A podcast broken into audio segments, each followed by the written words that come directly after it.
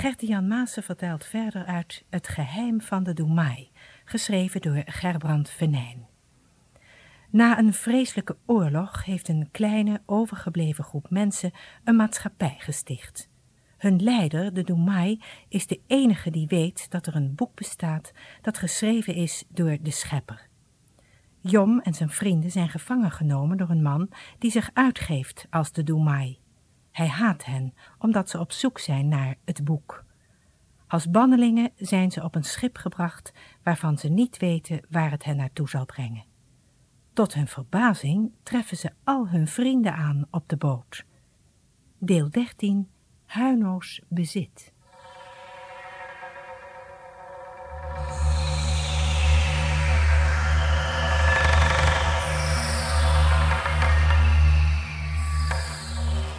Ga even naar het dek, jong, zei Huino. En hij liep naar de trap die naar het dek voerde. Ik wil nog wel eens een blik werpen op het land waar we zo lang gewoond hebben. Jong volgde de grijsaard naar het dek. Vanaf de achterplecht zagen ze het land in de vechten verwazen tot een brede, donkergrijze veeg tegen de lichtere hemel.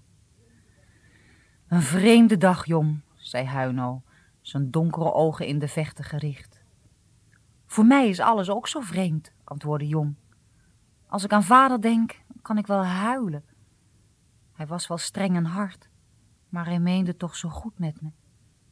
Ik kan u niet zeggen hoe blij ik ben dat moeder aan boord is. Huino knikte zwijgend. Zijn gedachten schenen ver weg te zijn. Jong keek naar de oude man en ontdekte dat er tranen over zijn gerimpelde wangen liepen. Vaarwel, vaarwel, mijn volk, hoorde Jong hem prevelen.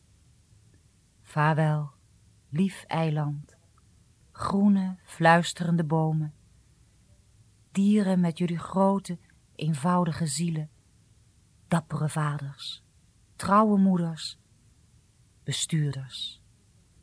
Een man heeft over u gewaakt, een man heeft van u gehouden en zal van u blijven houden, ook al als balling gaan.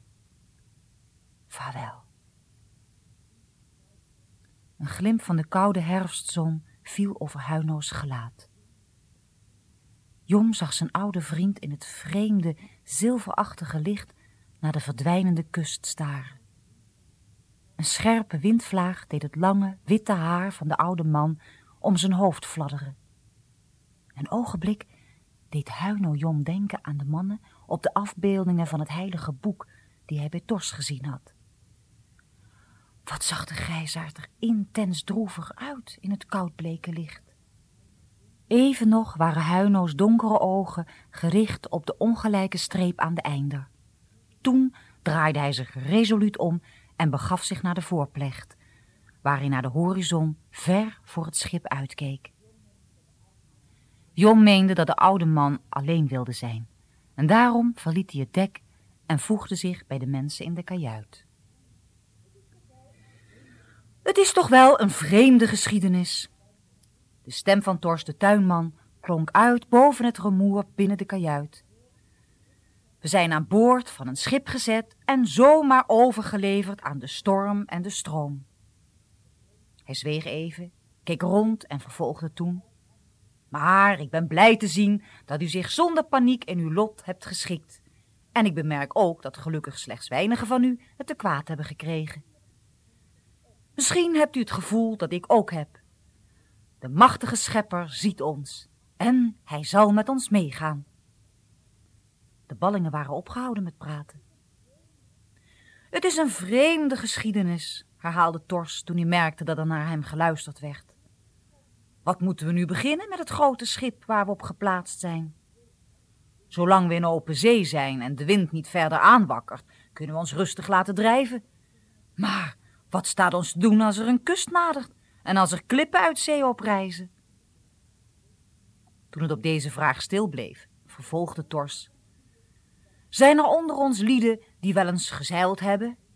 Mensen met zeemanservaring? Twee onbekende mannen staken de hand op. Ze hadden enkele jaren het grote meer doorkruist. Ook Jom, Wan en kleine Jiba waren niet helemaal zonder ervaring. Aan boord van de schepen waar ze mee voeren, hadden ze altijd goed hun ogen de kost gegeven. Ik ben blij dat er in elk geval wat kennis van zaken aan boord is, zei Tors gerustgesteld. Neem me niet kwalijk dat ik hier zomaar het woord neem. Tors, riepen enkele mannen, we vinden het prima dat u onze leider bent. Eigenlijk wachten we allemaal totdat iemand zijn mond opendeed. Lieve mensen, antwoordde Tors, ik heb alle lange jaren van mijn leven met een tuinschaar rondgelopen en bomen gesnoeid. Wat moet ik nu? Moet ik jullie leider zijn? Er zit geen spatje zeemansbloed in mijn aderen. Maar wel leidersbloed, barstte de stem van grote Jiba, die zijn schoonvader het beste kende. Ja, probeert u het, klonk het van alle kanten. Laat ik zeggen dat ik jullie dan zal leiden totdat er vanzelf een ander naar voren komt, stelde Tors voor. Maar laten we vooraf de afspraak maken dat we allemaal heel, heel veel geduld met elkaar zullen hebben. Als de een steeds klaar staat om de ander te helpen, zullen we alle moeilijkheden overwinnen. Ja, we zullen geduld hebben met elkaar, klonk het als uit één mond. Op dat moment ging de deur open en trad onopgemerkt de oude Huino binnen. Zwijgend voegde hij zich bij de bannelingen om naar Tors te luisteren. Huino had tot het invallen van de avond aan boord gestaan. Welnu, hervatte Tors de tuinman, als u mij dan uw vertrouwen geeft, zou ik graag met één ding willen beginnen. Ik zou tot de schepper willen spreken. Het werd heel stil in de kajuit toen Tors hoofd boog en sprak. Grote schepper van alle dingen.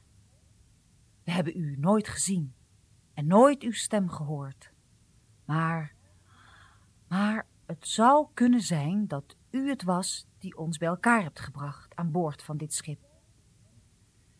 We zijn door de mensen die uw boek haten weggejaagd. Wat we kunnen doen is alleen vragen of u over ons wilt waken. Om u zijn wij van alles verlaten.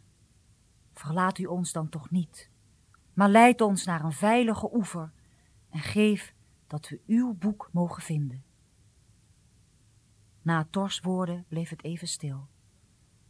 Toen trad Huino naar voren en ging naast de oude tuinman staan.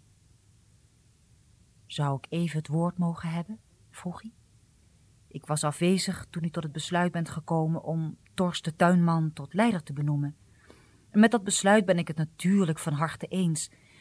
Maar er moet ook een man zijn die het schip bestuurt. Een stuurman. Is daar al over gesproken? Dat was mijn eerste zorg, Huino, antwoordde Tors. Daarom heb ik al gevraagd of er mensen zijn die verstand hebben van zeilschepen. Wel nu, twee mannen hebben ervaring en drie jongens willen graag doen wat ze kunnen om te helpen. Als ik niet onbescheiden ben, ging Huino verder. Ik heb enkele jaren van mijn leven de grote meren doorkruist als stuurman van een vrij groot schip. In het belang van u allen mag ik misschien een poosje, laten we zeggen, zolang onze zeereis duurt, ook aan het roer staan. Een geweldig aanbod, zei Tors. Dat nemen we natuurlijk met beide handen aan.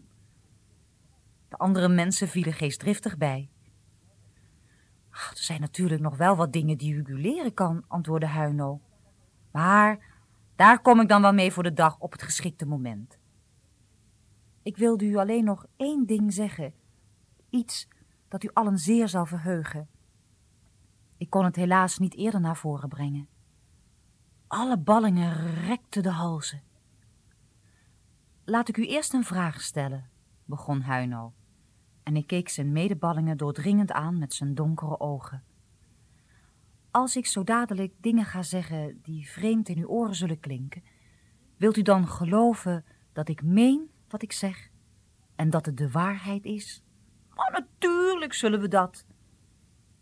Huino glimlachte. Ik dank u dan voor het vertrouwen. En nu zal ik vertellen wat ik weet. Ik weet dat u allen hunkert naar het geheim van het boek. Welnu, ik ken het geheim van het boek. En Ik heb het heilige boek. Hij bracht van onder zijn jas een boekje tevoorschijn in een zwart leren band, waar met gouden letters iets op gedrukt was. Nu brak er tumult los onder de ballingen. Alle drongen om de oude man samen. Ze wilden het boekje bekijken, het, het in hun handen hebben, de bladzijden ervan betasten.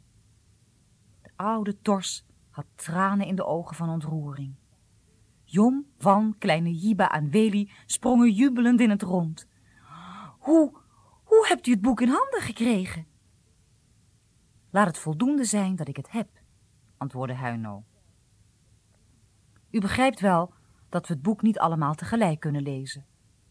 Uit de verte lijkt het een klein boekje, maar het is gedrukt in de oude wereld, toen de mensen nog in staat waren zeer kleine en dunne letters te drukken op zeer kleine en dunne bladzijden.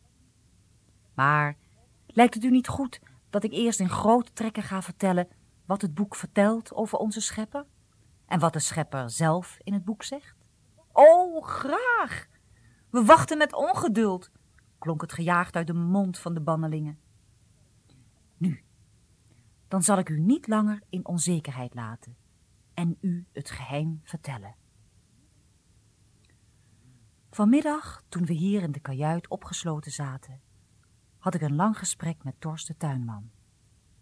Ik heb hem gezegd dat ik van alles wat ik bezat één afbeelding bij me heb gehouden.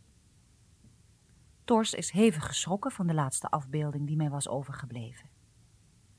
Het is een afbeelding van een man die met grote spijkers op een houten paal was geslagen.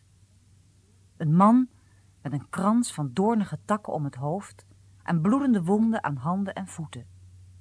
Een verschrikkelijk en afschuwelijk tafereel. Alles wat Tors in de loop van de jaren had opgebouwd uit de afbeeldingen en woorden, klopte niet meer door deze lijdende man. Zijn puzzel lag helemaal door elkaar. En ik weet zeker dat mijn vriend de laatste uren maar steeds heeft gedacht aan de afbeelding van die bloedende man. Hij heeft niet begrepen welke plaats deze man innam in het heilige boek. Vrienden, ballingen, zei Huino nu met ernstige stem. U hebt u allen afgevraagd of de schepper werkelijk iets van ons leven afweet.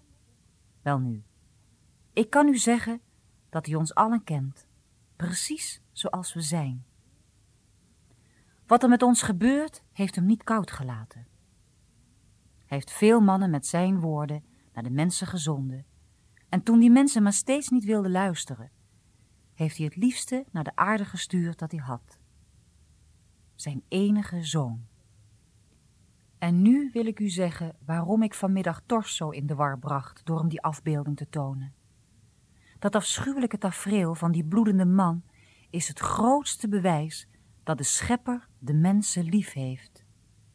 Die stervende man was de zoon van God. Zijn zoon heeft de straf gedragen die wij verdienden. Huino zweeg.